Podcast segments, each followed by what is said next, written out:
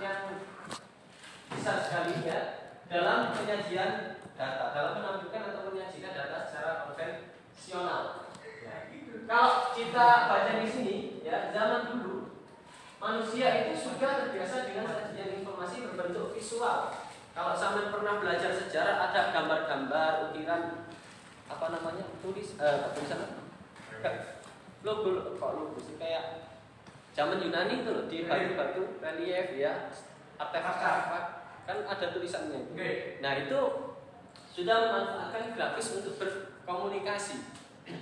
Nah hal ini juga bisa dibuktikan dari ketinggalan masa prasejarah penulisan yang dibuat sebagai salah satu sarana komunikasi. Zaman dulu seperti itu komunikasi. Nah, mengapa otak kita memiliki infografis? Nah, di sini ada sebuah riset ya.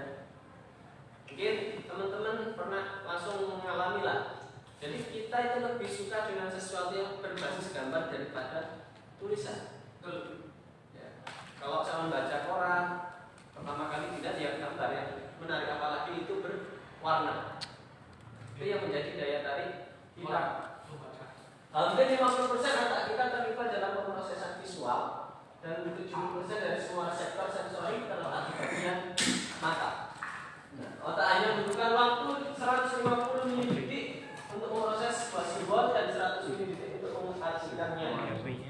Nah, di sini dijelaskan waktu ini jauh lebih cepat daripada waktu yang dibutuhkan untuk membaca teks. Nah, kalau sampai membaca teks, teks itu sifatnya maksudnya juga eh, statis ya. Tapi kalau gambar setiap orang memiliki penafsiran yang berbeda beda.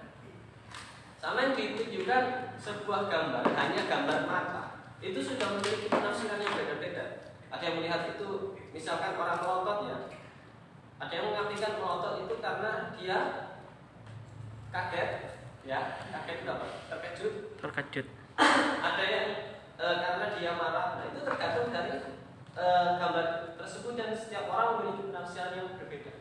Maka dari itu ada yang mengatakan bahwasanya gambar itu memiliki seribu makna. Kita tidak dapat mengingat informasi visual dengan lebih baik, tapi otak kita juga dapat memproses informasi visual 60 ribu kali lebih cepat dibandingkan dengan informasi dalam bentuk teks. Nah, itulah kenapa dibutuhkan infografi. Nah, siapa yang telepon ini?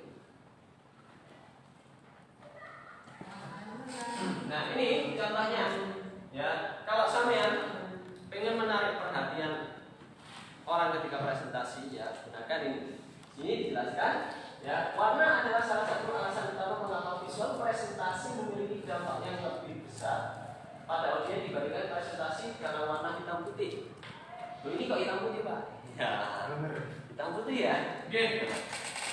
Walaupun hitam putih, sampean bisa melakukan animasi-animasi atau mungkin kontras yang lain.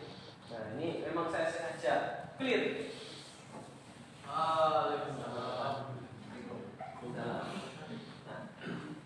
ketika saya melihat presentasinya orang yang ngerti grafis dengan orang yang nggak ngerti grafis itu sangat berbeda sekali. Mungkin sampai pernah ya uh, mendapat slide di mana slide itu antara tulisan dan gambar sama-sama kuat. Ya. Tulisannya warna kuning, terus gambar backgroundnya itu warna merah, warna pemandangan dan sebagainya itu sama-sama kuat. Itu malah terlihat apa? Nah, oke, okay. ada contoh saya ini masih ada. Sama kalau berjalan di jalanan ini ada hey. yang selamat datang yang maklum amin. Nah, hey. ada salah satu banner saya nggak menyebutkan yang mana, yang mana. Itu kelihatan itu mungkin super gawe ya. Depan pak. Backgroundnya kuat tulisan pokoknya kayak kotor gitu loh. Iya yang depan. Saya nggak ngomong ya mana pokoknya ada. Yang depan. Sama lihat sendiri. Nah, jadi hal itu uh, sangat berpengaruh pada uh, ketertarikan audiens untuk menikmati atau membaca sebuah informasi. Makanya kalau perusahaan-perusahaan yang sudah besar nggak mungkin dia syukur membuat gambar pasti memiliki tim atau memiliki orang tertentu yang memang khusus untuk mendesain sebuah gambar. Ya. dan memiliki guideline. Oke, nanti saya saya jelaskan tentang guideline-nya. Nah, warna dapat mengalami suasana hati dan memberikan respon emosional kepada audiens. Para peneliti menemukan bahwa visualisasi dalam warna meningkat minat untuk membaca 80 persen. Nah, warna itu bisa meningkatkan minat membaca seseorang daripada hanya sekedar bukan Nah, ini contohnya implementasi antara grafis dan teks. Nah, ini dicontohkan ada gambar apa ini? uh, tanah longsor. Tanah longsor dalam segitiga merah. Segitiga merah itu artinya apa? Awas, hati-hati. Hati-hati ya, bukan Ya. bahagia ya. Segitiga merah.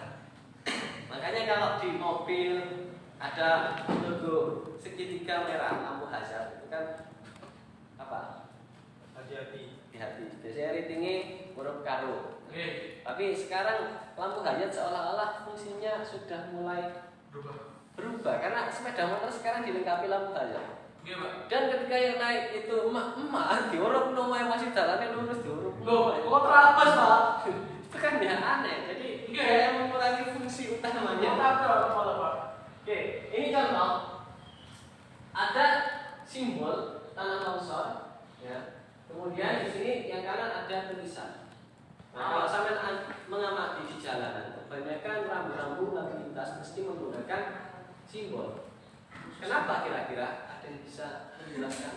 Kok tulisan misalnya dilarang berhenti ditulis, jalan berliku, membuat ragu.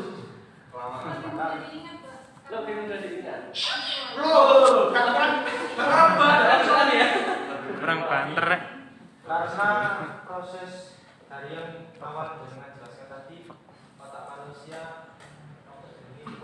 Di. Di proses informasi memproses gambar itu lebih cepat daripada tulisan. Sekian proses gambar kita diutak. Lebih menarik, lebih Apalagi kalau pengendara yang lewat itu kan nggak mungkin baca semuanya. Pasti lihat gambarku. lebih mudah dipahami supaya jangan Ya, intinya adalah ya otak manusia itu lebih cepat memahami gambar daripada membaca tulisan. Makanya di jalan itu mesti sama kalau naik sepeda motor kan nggak mungkin sama fokus dan gone Mahali. kiri kanan. Dia Iya. ada rambu apa fokus. Mesti fokus di jalan kan. Fokus utama kita itu di jalan. Nah, kalau kecepatan tinggi kita hanya melihat simbol itu aja. Oh, ini rawan longsor. Oh, ini tanjakan curam dan sebagainya. Nah, ada simbol-simbol. Nah, saya nggak ngerti simbol itu pak. Berarti kalau sekolah biar sama Bolos. bolos paling ya. Kamu Di sekolah dulu ya ada ya pengenalan simbol rambu lalu lintas. ya? Ya, Bali oh, SD sana. Belajar sekali internet, Pak. Nah, itu salah satu alasan. Kalau coba ini diimplementasikan dalam bentuk tulisan, misalnya eh, jalan berliku, apa yang ditulis tulisan? Sama kalau di perjalanan ke Malang ada tanjakan, penurunan jalan. Kapan tulisan? Sama nyetir mau terus. Eh, terjadi betul, apa? Pak. Fokusnya kurang. pecah Ya. kan di satu itu.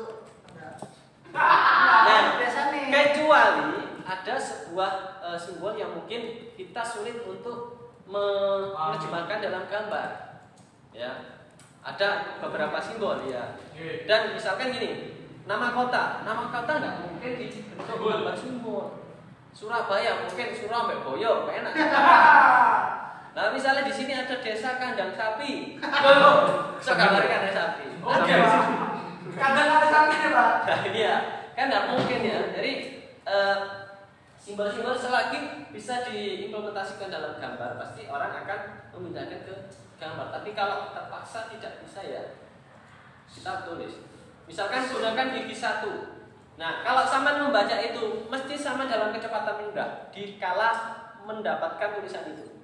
Gak mungkin sama bawa gunakan gigi satu langsung mengenal. Gak mungkin.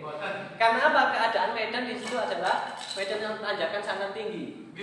Ya, jelas gak mungkin sama banter nang. betul Jadi tulisan itu tulisan itu sangat apa namanya? Bapak efek party. Ya. Tapi kalau diimplementasikan dalam gambar juga sulit. Menggambar gigi satu itu seperti apa? Apa gigi? Enggak ya. Nah, ini mau dijelaskan. Ada grafis dan teks. Ini kalau dibandingkan. Ada yang eh, di sini misalkan hati-hati tanah longsor, area bahaya tanah longsor, bahaya tanah longsor. Hati-hati. Saat melihat rambut tersebut di jalan, secara cepat otak kita menafsirkan dan mengetahui apa yang tersebut.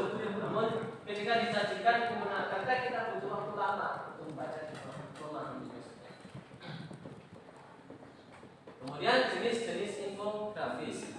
Ini ada beberapa jenis ya. Ada yang statis ya. Statis itu yang apa? Tidak bergerak. Tidak bergerak, tetap ya. Ya, yang di e, dalam gambar biasa itu statis. Kemudian animasi. Nah, animasi ini kalau sampean pengen ngerti ya, sekarang mumpung di ono, mulai mulai lewat perempatan PLN Jombang itu ada videotron besar Eh, eh. infografis animasi. Ya. Eh, jadi sekarang eh, apa namanya pemerintah ketika mensosialisasikan sebuah informasi itu sekarang dalam bentuk infografis yang dinamis atau mungkin menggunakan video. Ya. Jadi itu disertai dengan animasi yang bergerak. Banyak sekali itu diimplementasikan terus interaktif yang interaktif berarti bisa berinteraksi antara infografis dengan penggunanya biasanya ini diimplementasikan dalam sebuah aplikasi misalkan kayak game game-game edukasi ya temen kalau nggak ngerti game edukasi coba di Play Store cari game matematika game apa banyak Sudoku. sekali game Oh, edukasi iya.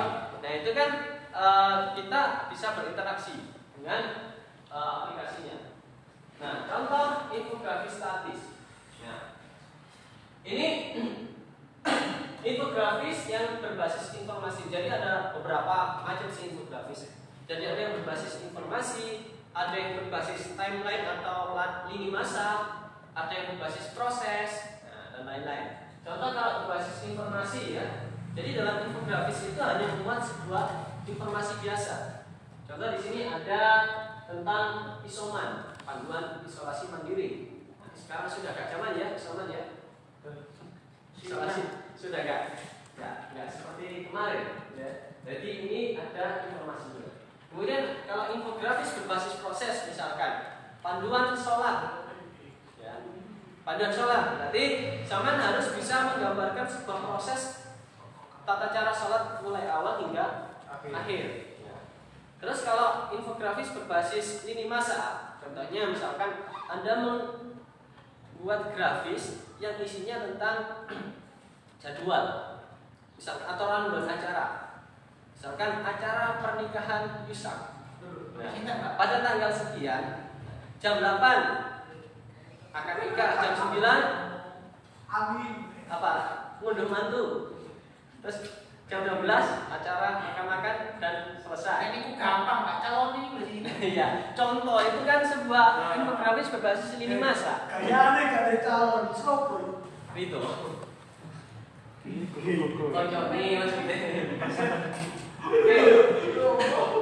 Ada pertanyaan? Jadi nanti membuat infografis. Nah itu nanti saya tunjukkan berbasis informasi kah, terus atau berbasis timeline kah, atau berbasis proses kah. Kalau berbasis proses saya rasa Samen bisa membuat sebuah eh, alur proses bisnis. Pernah belajar RPL kan? Tadi malam tugasnya. Buat apa? Di proses bisnis Pak. Nah itu untuk diinfografiskan. Jadi proses bisnis. Contohnya misalkan eh, alur Oke. Baik, kita lihat aja. Iya. bukan apa sih? Picu. Kalau dulu ADSI namanya analisis desain. Mas kau malu. Kau. Nanti ganti dosennya ya. Jadi alur proses bisnis misalkan kalau Oke, saya tahu. IT Bu. alur pendaftaran mahasiswa Audi. itu kan alur Land jadi eh, kita harus menganalisis bagaimana tata cara pendaftaran itu Kalian. kalau di sistem kan ada eh, alur misalkan sudah diajari buat activity diagram belum? Apa, Pak? activity diagram Oh, kan sama aja nggak masalah sama aja cukup kalau cukup mata kuliah ya mas Heran, Pak, pas aku mau. Iya, terus ya. tereng sama kok nggak tahu mata kuliahnya Pak Nufan kenapa nggak ikut ya? Oh ya, berarti belum. Jadi dalam eh, kalau di RPL itu nanti sama mungkin akan diajari activity diagram, diagram aktivitas. Flowchart tahu flowchart? Iya. Ya, kurang lebih seperti itu. Ah, oke. Flowchart, kalau flowchart kan eh, sebuah bagan yang menjelaskan tentang diagram alir ya, alir sebuah sistem. Jadi eh, dari awal hingga akhir sistem ini ngapain aja itu dituangkan dalam flowchart. Nah kalau diinfografikan ya jangan dibentuk flowchart itu kurang menarik dan nggak semua orang paham atau bisa membaca flowchart. Paling ya sama sing orang-orang sistem informasi yang bisa membaca flowchart dengan baik. Ketika ada eh, decision apa itu decision? Apa? Decision apa decision? Decision Keputusan. kan apa decision? Sing Enggak. gini loh, Mas. Gini loh. Oh, piramida. Kamu ingin doa, ini loh. Ini ada desain sing ini gitu. Wajib. Wajib wajib. Rami. Itu. Bahas flowchart tadi. Decision, nah itu sebuah perumisan. Kalau sama ada if, nah if kan mesti hasilnya dua. Eh. Ya. Apa itu? Iya dan tidak kan? Iya dan tidak, Iya, iya. tidak. Eh. Iya tidak. Oh lah flowchart apa pak? Oh enggak enggak, bukan. Nah, decision itu kalau digambarkan dalam flowchart ya seperti itu, tapi kalau digrafikan ya jangan. Sama cari gambar yang lebih Wah, untuk menarik. importing keren sih. Contohnya gitu. review. Ada pertanyaan enggak? Belum. Kan duwe. Ini, karena kita UAS tanggal berapa? Juli. 25? Tanggal berapa? Juli Juli tanggal 25 ya? Tak lanjutkan materi. Tak lanjutkan materi dulu nanti prakteknya. Nah, yang penting dasarnya import. Nah, Kita lihat. Untuk import. yang baik. Ya.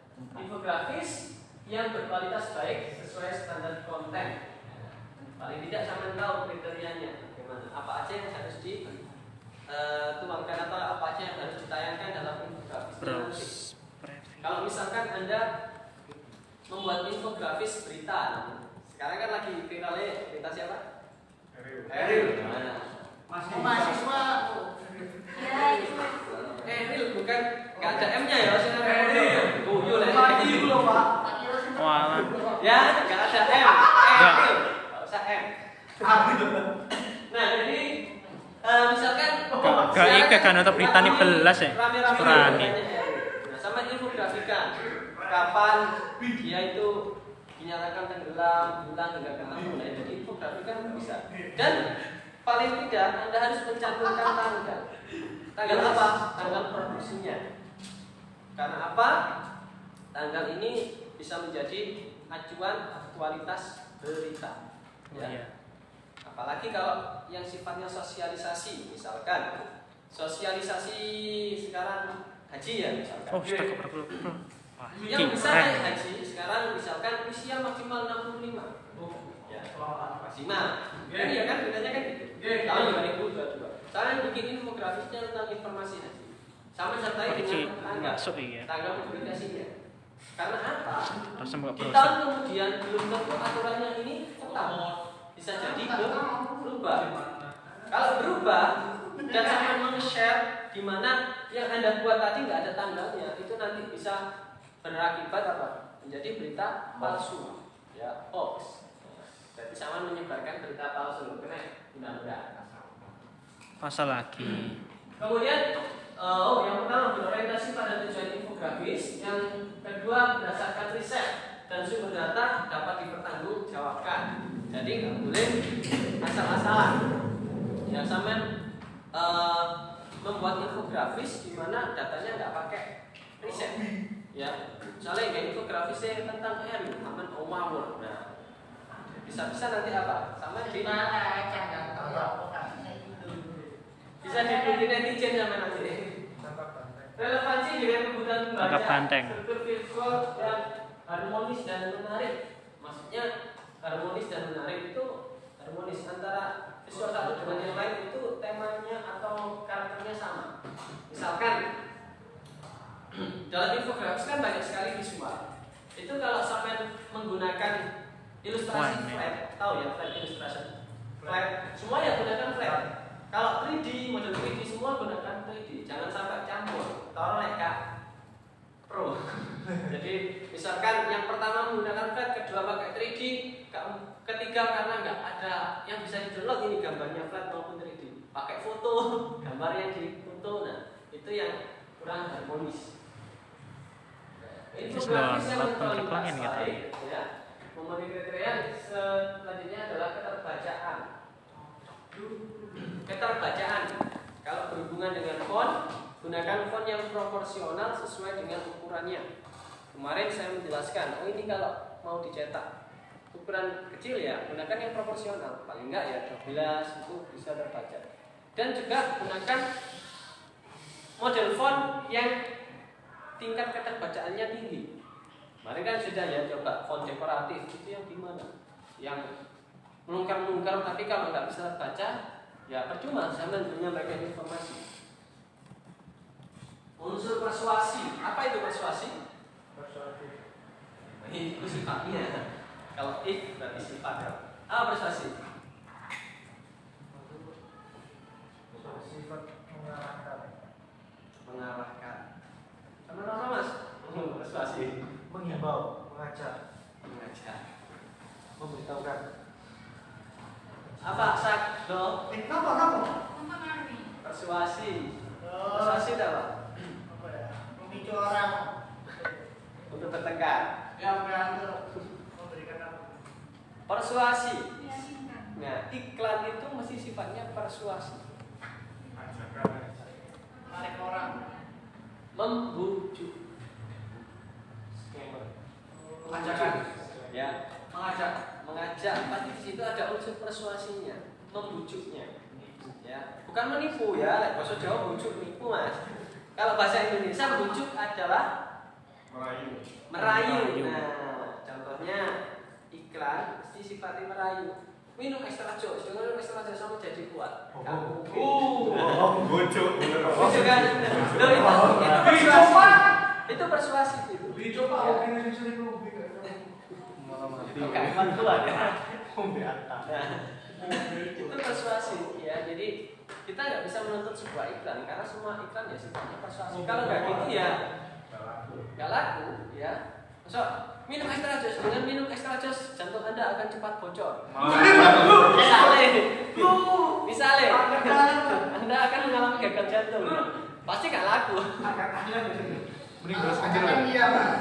Nah, kecuali iklan layanan masyarakat itu sih nggak persuasif. Iklan rokok itu nggak persuasif karena apa? Regulasi. Ya.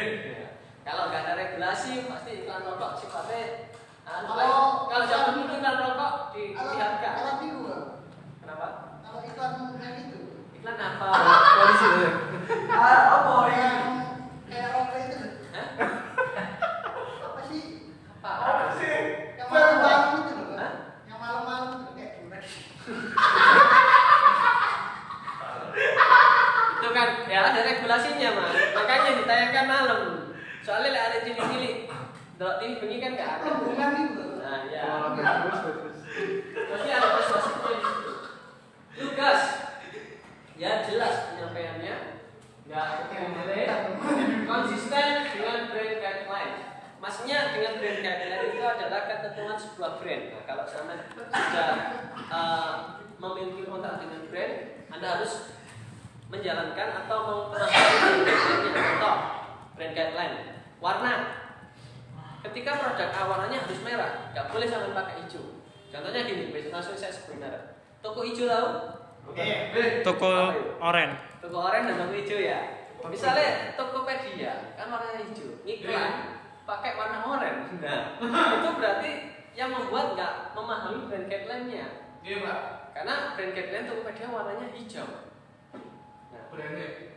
otomatis orang melihat warna sudah tahu karakternya. Oh itu beli di Shopee ternyata Tokopedia kok warnanya iklannya Tokopedia oranye. iya. Itu, itu salah satu contoh brand guideline. Kemudian font itu juga detail fontnya. Font yang harus dipakai adalah font-font khusus ya. Kalau memang sudah ada brand guideline. Karena apa?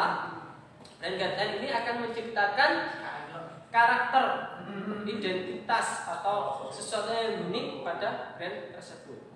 Kayak unik do, ya pink, ya sebenarnya itu karakternya ya, kampus pink. Ya.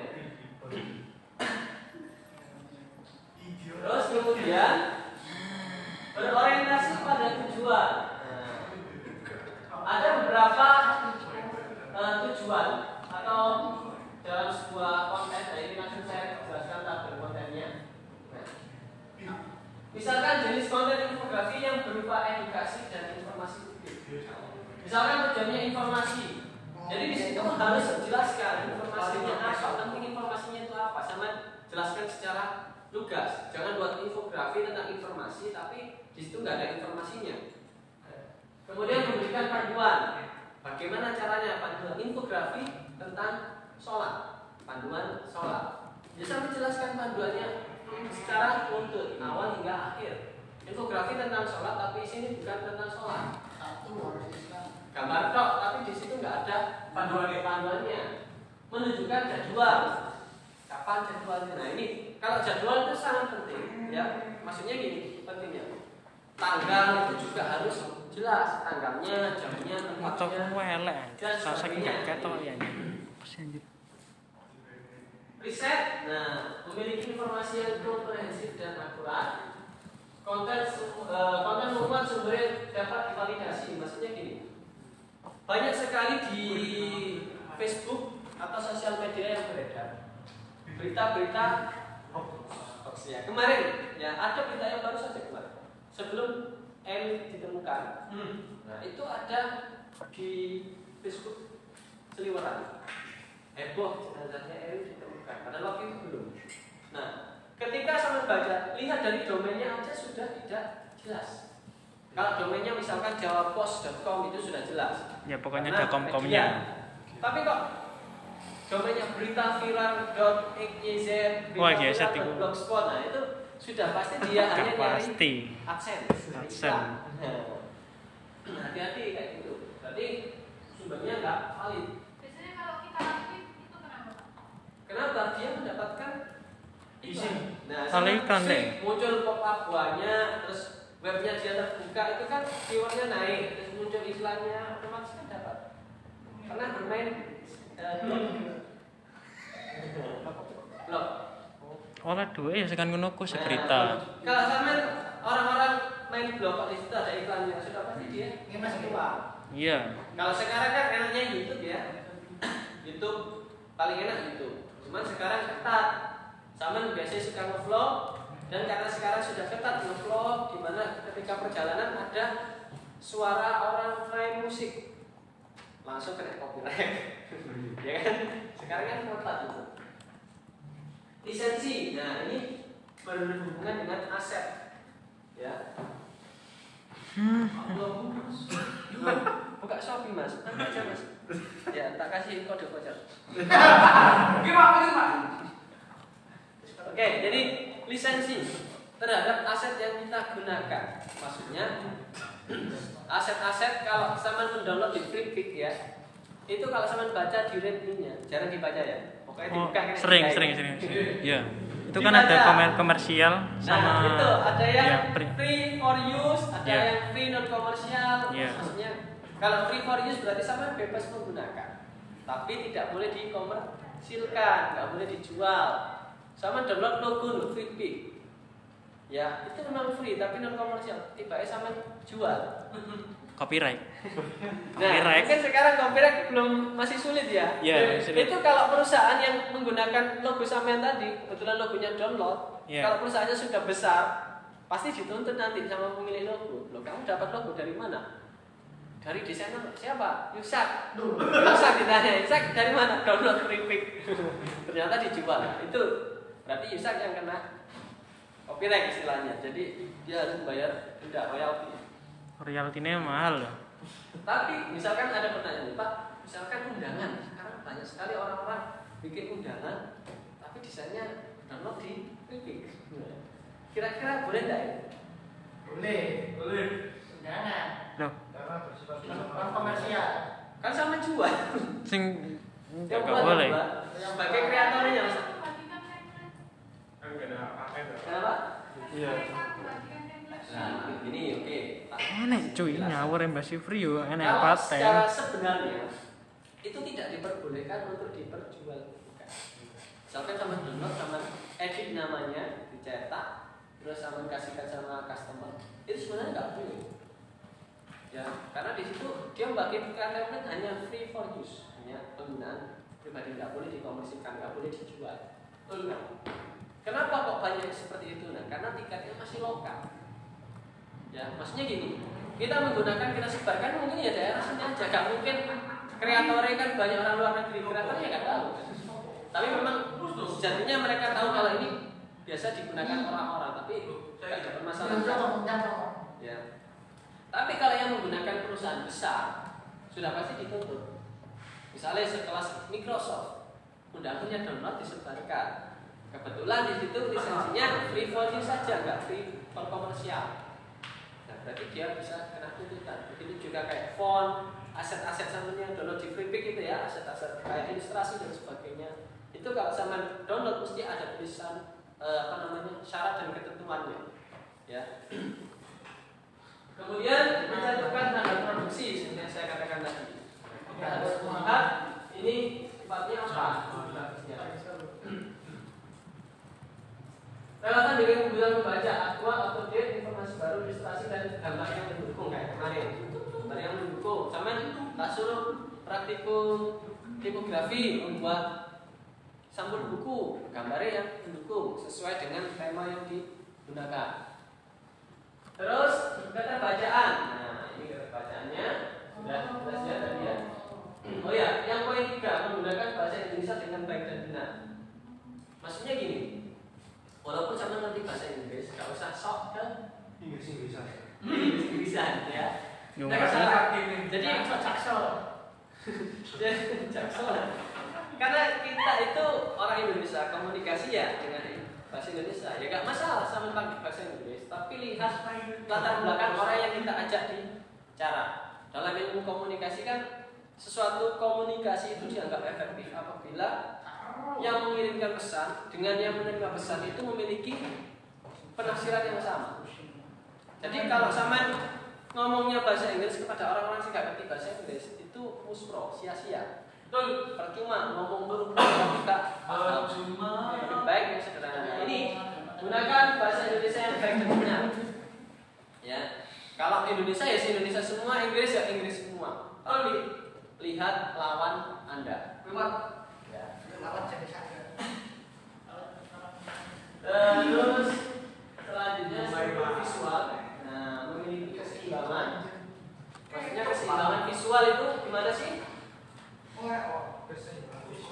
Keseimbangan visual, misalkan ini merupakan media visual Anda. Nah, kayak Anda tulisan ini, kira-kira seimbang nggak? Botan. Enggak. Kecilan. Seimbang tergantung cara pandang dan simbol yang digunakan. Ini nanti bisa dikatakan seimbang kalau di sini ada tulisan juga.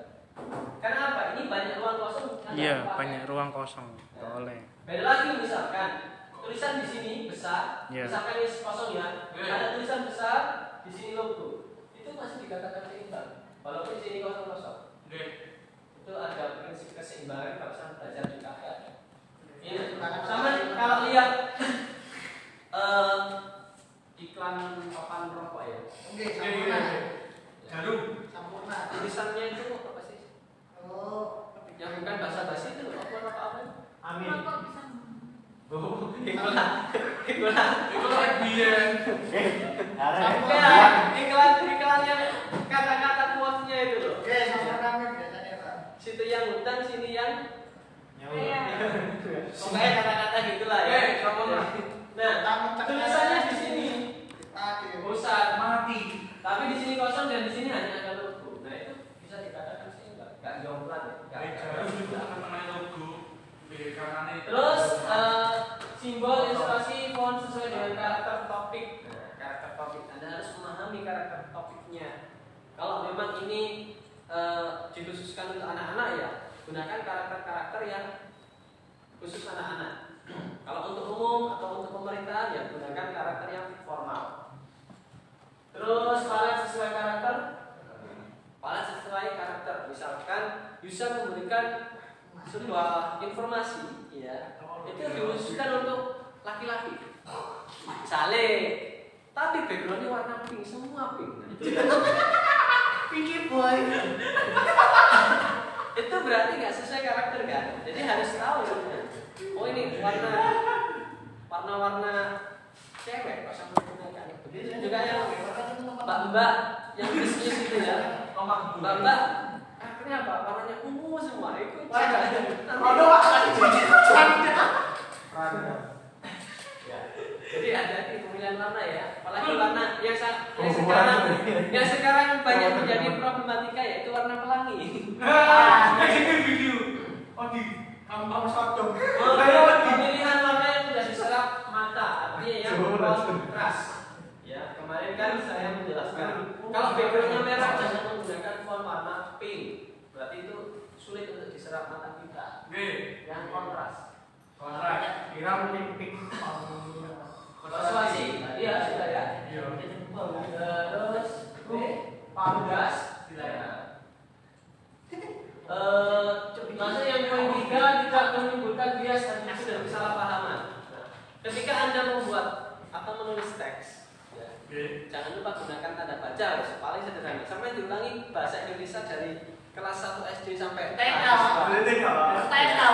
Pelajarannya nggak ada TK pelajaran bahasa Indonesia. Oke, benar Pak. SD. Mulai dari 1 SD ada pelajaran bahasa Indonesia. Masih jadi bisa. Kelas 1 sampai mahasiswa ada pelajaran bah- bahasa Indonesia itu gunanya apa itu? Sama kalau nulis, paling enggak itu ngerti tanda baca. Tanda-tanda selalu titik koma. Ketika Anda nulis tanpa tanda baca, itu akan menimbulkan bias pesan yang sangat besar. Ya, bisa kamu diundang si A misalkan. Ketika dita nggak ada tanda tanyanya, bisa kamu diundang Ridho misalkan. Bisa kamu diundang Ridho, tidak ada tanda tanyanya. Berarti nggak salah jika Yusuf menjawab, oh iya terima kasih informasinya. Padahal yang dimasukkan itu pertanyaan, bisa kamu diundang Ridho? Dapat undangan enggak? Kan kalau ada tanda tanyanya, bisa kamu diundang Ridho? Pasti bisa jawab dulu, iya tak? Mana undangannya kan gitu. Tapi kalau nggak ada tanda tanyanya, itu pasti jawabannya berbeda. Orang berbeda penangkapnya. Itu mau saya ngerti. Persis.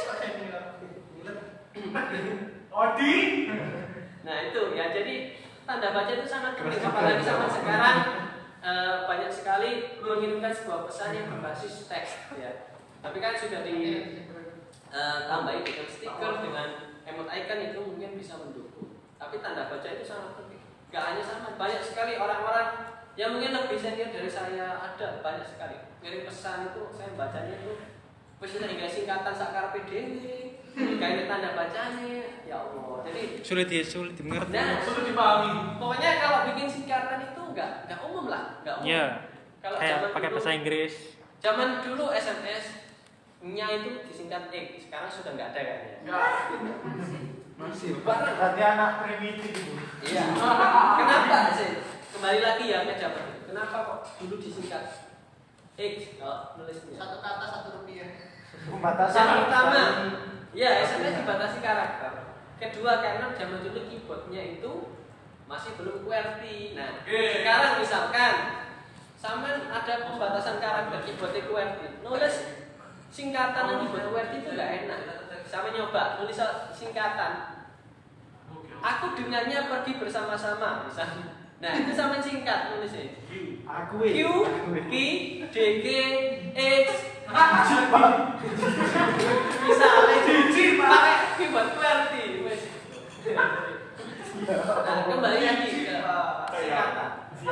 Kalau buat singkatan itu yang umum, yang mudah dipahami orang, jangan hanya dipahami orang. Begitu juga ilustrasi ya mas ya, gambar mas mas. Kalau nanti menggunakan ilustrasi, ilustrasi yang umum yang mudah dipahami. Jangan sampai ilustrasinya itu yang enggak dipahami misalkan tentang ada orang kesehatan, ya orang kesehatan membuat ilustrasi sih hanya dipahami orang kesehatan atau kode-kode kesehatan. Oke, biasanya rasa dokter. Ya kesehatan, rasa dokter itu lagi model ya. Biasanya sih mau ini. Tulisan sini apa diri dokter Pak? Jadi itu ya, ini loh istilah yang mudah dipahami. Ya kan pendidikan yang umum, jangan yang kayak anak jaksel. Oh, Jangan Jaksel. Hmm, Banyak kan istilah yang nggak dipahami orang. Oke, Sekarang, oke, oke. Masya Allah. Ini mereka. Ah, kecenderungan Pak. Kenapa sih identik orang kayak Ridha itu mesti makanan? Gratisan Pak. Eh, yang ini Baru buka. dapat Pak. Eh, ini buka. Bisa bisa dapat Pak. Nah, nah, ini sesuai dengan brand guideline. Brand guideline ini adalah eh, sebuah aturan dalam sebuah brand yang telah disepakati brand tersebut. Misalnya MU, brandnya yo Parah. merah. Yo kan motor D ini kok keren. PSG warna biru, Juve warna putih misalnya. Itu guideline mereka. Man City Pak ya? sudah menjadi ciri khas mereka. Jangan sampai gini. Ketika nanti sampai membuat Mantap. Infografi, ini loh yang poin dua, tidak melanggar brand guideline pihak lain. Misalkan ya, sama mendapatkan sponsor, misalnya ada acara Mulidu mendapatkan sponsor dari Indosat, ya, Telkomsel. Mendapatkan Indosat, tapi sama desain bannernya koape warna merah. Color by Indosat, nah itu melanggar, ya melanggar karena Indosat karakternya kuning. Kuning. Kita harus memahami di situ. Cerah, cerah. Pokoknya gitulah. Nah, Kuning-kuning ada beringin Kalau perempuan banyak warna kuning, kuning salim. kuning. Merah-merah tadi.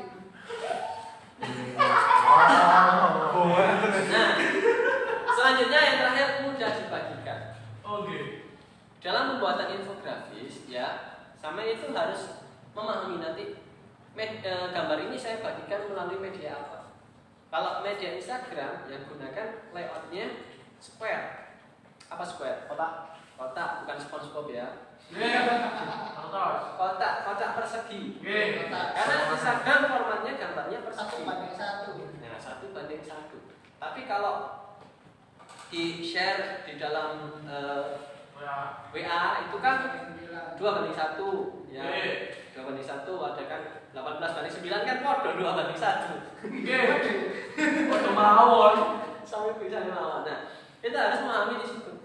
Kalau sama misalkan dua banding satu di posting di Instagram nanti hasilnya apa? Well, potong. Oke. Ya, nggak bisa nyambung nggak bisa full. Gak bisa full, Bacan. Kayak di postingan Twitter. Ini contoh infografis. Nah, Ah. ayo kita ada satu persatu. Ini sih Pak. Ini nggak nggak kelihatan ada satu ya. Betul ya, Pak? Kelihatan, Pak? Karena jumpa. Iya. Aku. Oh, dua start. pink. Nah, ini warnanya jadi merah. Oke, Justru merah. ini loh saat merah loh. Iko sakit, iko sakit. Nah, kalau kita lihat di sini, infografis ini ya sudah menerapkan beberapa hal tentang teknik pembuatan infografis. Oke. Yang pertama ada teknik kemarin ada eh, teks typography ya. Oke. Judul itu dibesarkan. Terus penggunaan warna. Kemarin warna-warna. Awal. Nah, ini antara kuning dan Ah. biru. Ya. Kodes Nah, kan ada kode eh kok ada warna apa? Rem Kombinasi server warna gawe. kemarin ada. Terus selanjutnya tadi menjelaskan tentang eh, Bref penggunaan aset atau ilustrasi yang harmonis. Coba yang kanan ini sifatnya gambarnya berbasis 3D, ya. 3D, semua sama dia 3D. Ya, yang digunakan. Pokoknya dalam kontennya 3D 3D semua. Kecuali kalau ini sudah paten ini. Misalkan di sini ada logonya apa ini? Modi ya. Modi ya, yang di sebelah itu. Modi, terus logonya Indonesia Baik dan sebagainya. Tapi dalam konten semuanya bersifat harmonis sama. Oh, iya. Ya. jadi sebenarnya ini eh, informasi yang panjang, namun sudah Masa bimbingan terjadi? Ayo sekarang dicoba. Kamu pak? Ah. Ya ini grafis. Tak, sebelum apa namanya? Tak cek aset dulu. Ada enggak kira-kira nanti kalau ada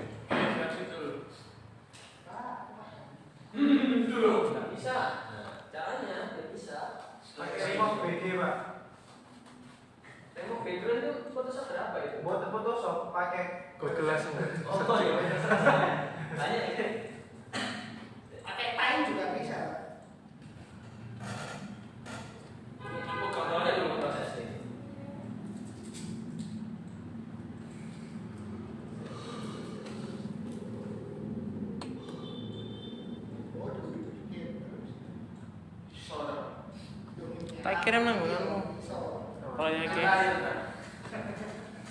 kalau iya. gambarnya resolusinya tinggi kita mudah sekali untuk uh, apa namanya merekam nah ini bisa ya? Kita nah, gitu loh kita hapus. Berikan nah nanti di save as PNG oke. Okay. save as PNG diambil. Nah kemudian dipotong di file ya. Jadi kita dibikin eh, uh, installale ini di fotografi. Sama ya luas ya installale kau sebetulnya siapa atau depan diri kan siapa gitu ya.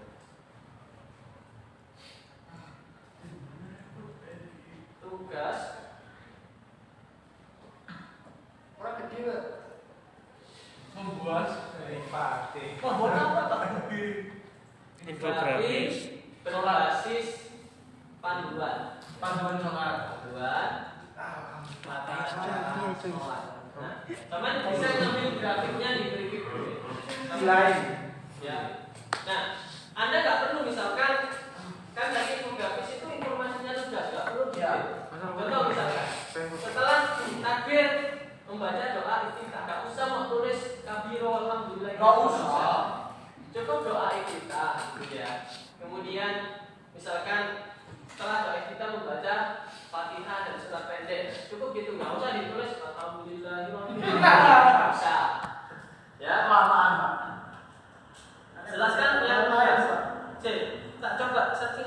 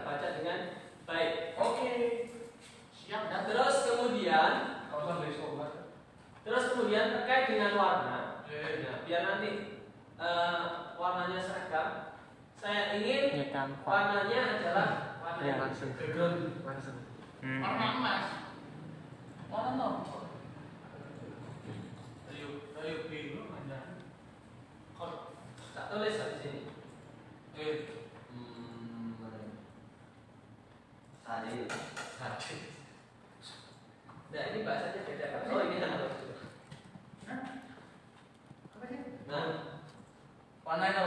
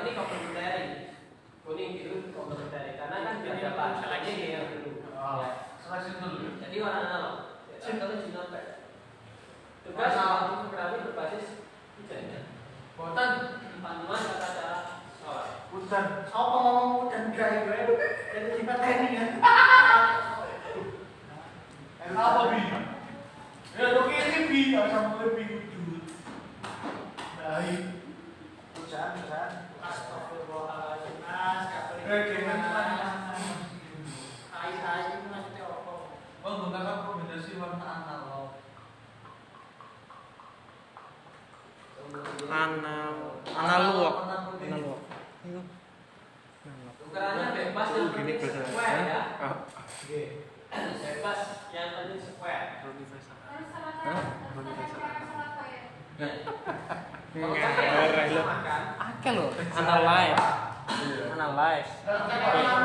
Analog. Terus. Terdiri dari Goreng.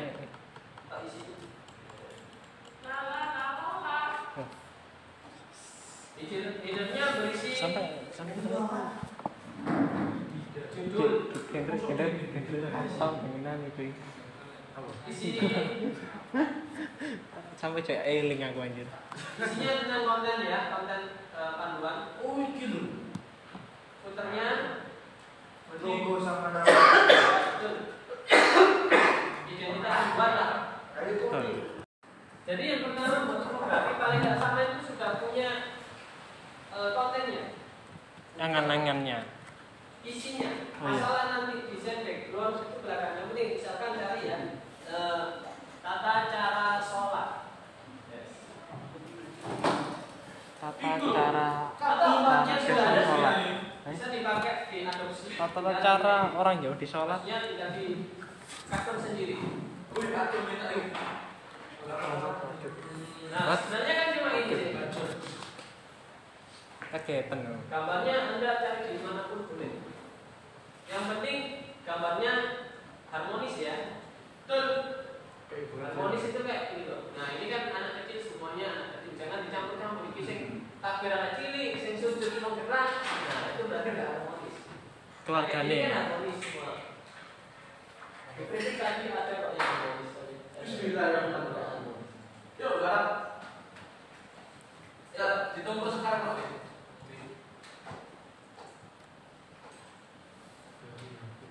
Siap. Jadi PNG lah enak sih. ya. PNG. PNG background. Hmm? Kuti anjir. Ya cilik sih sini. Bila ada kesulitan te- tentang teknisnya, ya tanya. Tata cara. Tata cara. Oke, mantap.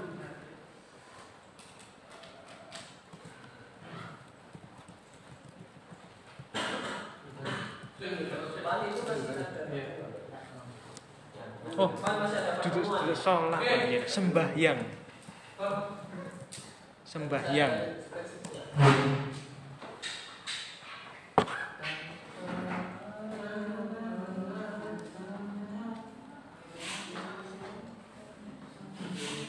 Bahasa Inggris.